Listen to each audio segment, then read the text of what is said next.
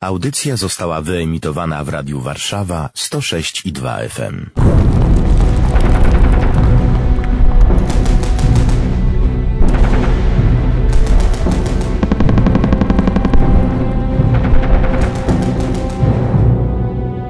Warszawa pamięta! W nocy z 28 na 29 września Niemcy próbują opanować rejon Placu Trzech Krzyży.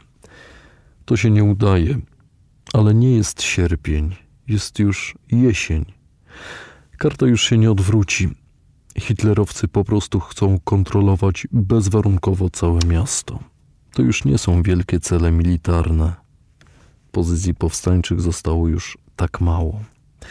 Artyleria ostrzeliwuje śródmieście, ten ostatni punkcik na mapie zdruzgotanego miasta, gdzie jeszcze biało-czerwona, ale i tu głód, zwątpienie, beznadzieja.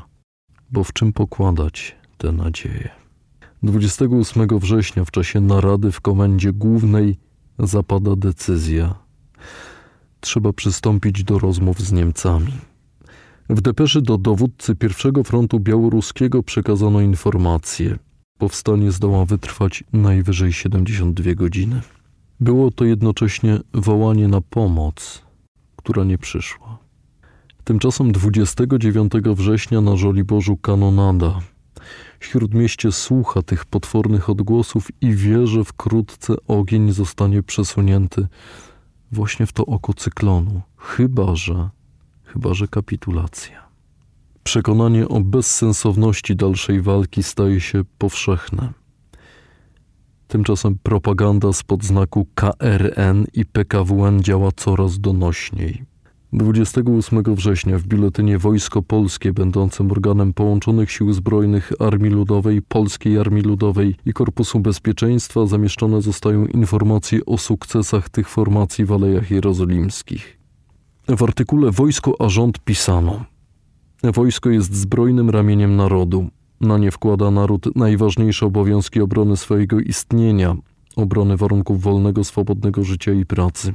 Wojsko wreszcie bierze na swe barki walkę o wyzwolenie ojczyzny, kiedy dławi je wroga przemoc. Wynika stąd, że wojsko nie jest czymś różnym od narodu, jest wyrazem jego woli i jest narzędziem całkowicie podporządkowanym narodowemu przedstawicielstwu. Koniec cytatu. W ten właśnie sposób instaluje się władza ludowa.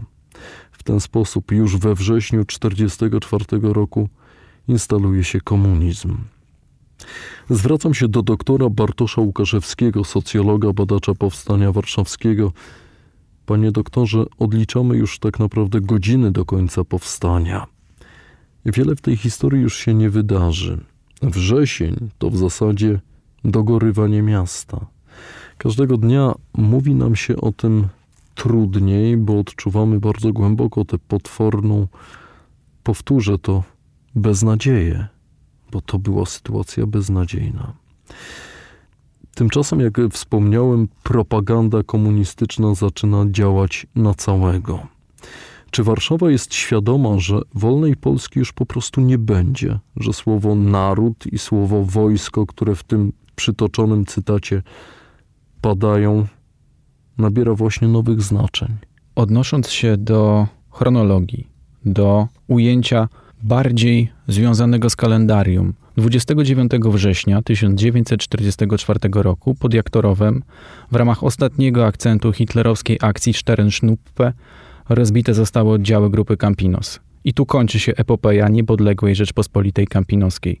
Żołnierze, którym udało wyrwać się z okrążenia, walczyli dalej, ale było to już preludium i tu odnoszę się do postawionego pytania tzw. Tak drugiej konspiracji. Jak stwierdzał adiutant słynnego Doliny Adolfa Pilcha, tam, pod Jaktorowem, dotarliśmy na miejsce swojego Waterloo. Świadomość również drugiej, ale tym razem okupacji była powszechna.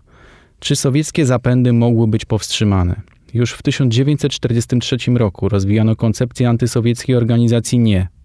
Tymczasem na Zachodzie. Nie boimy się wypłynąć na otwarte morze komunizmu, bo ster naszego okrętu jest w rękach naszego kochanego wielkiego Stalina.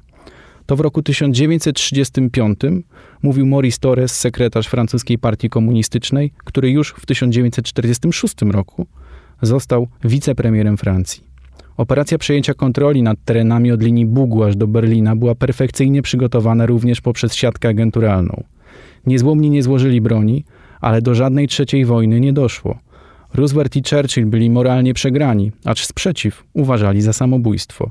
A potem, jak stwierdzał Zbigniew Olszewski z szarych szeregów działających na Ochocie, władza ludowa, jeśli coś dawała, to potem od razu zabierała, bo jaka była? Ludowa.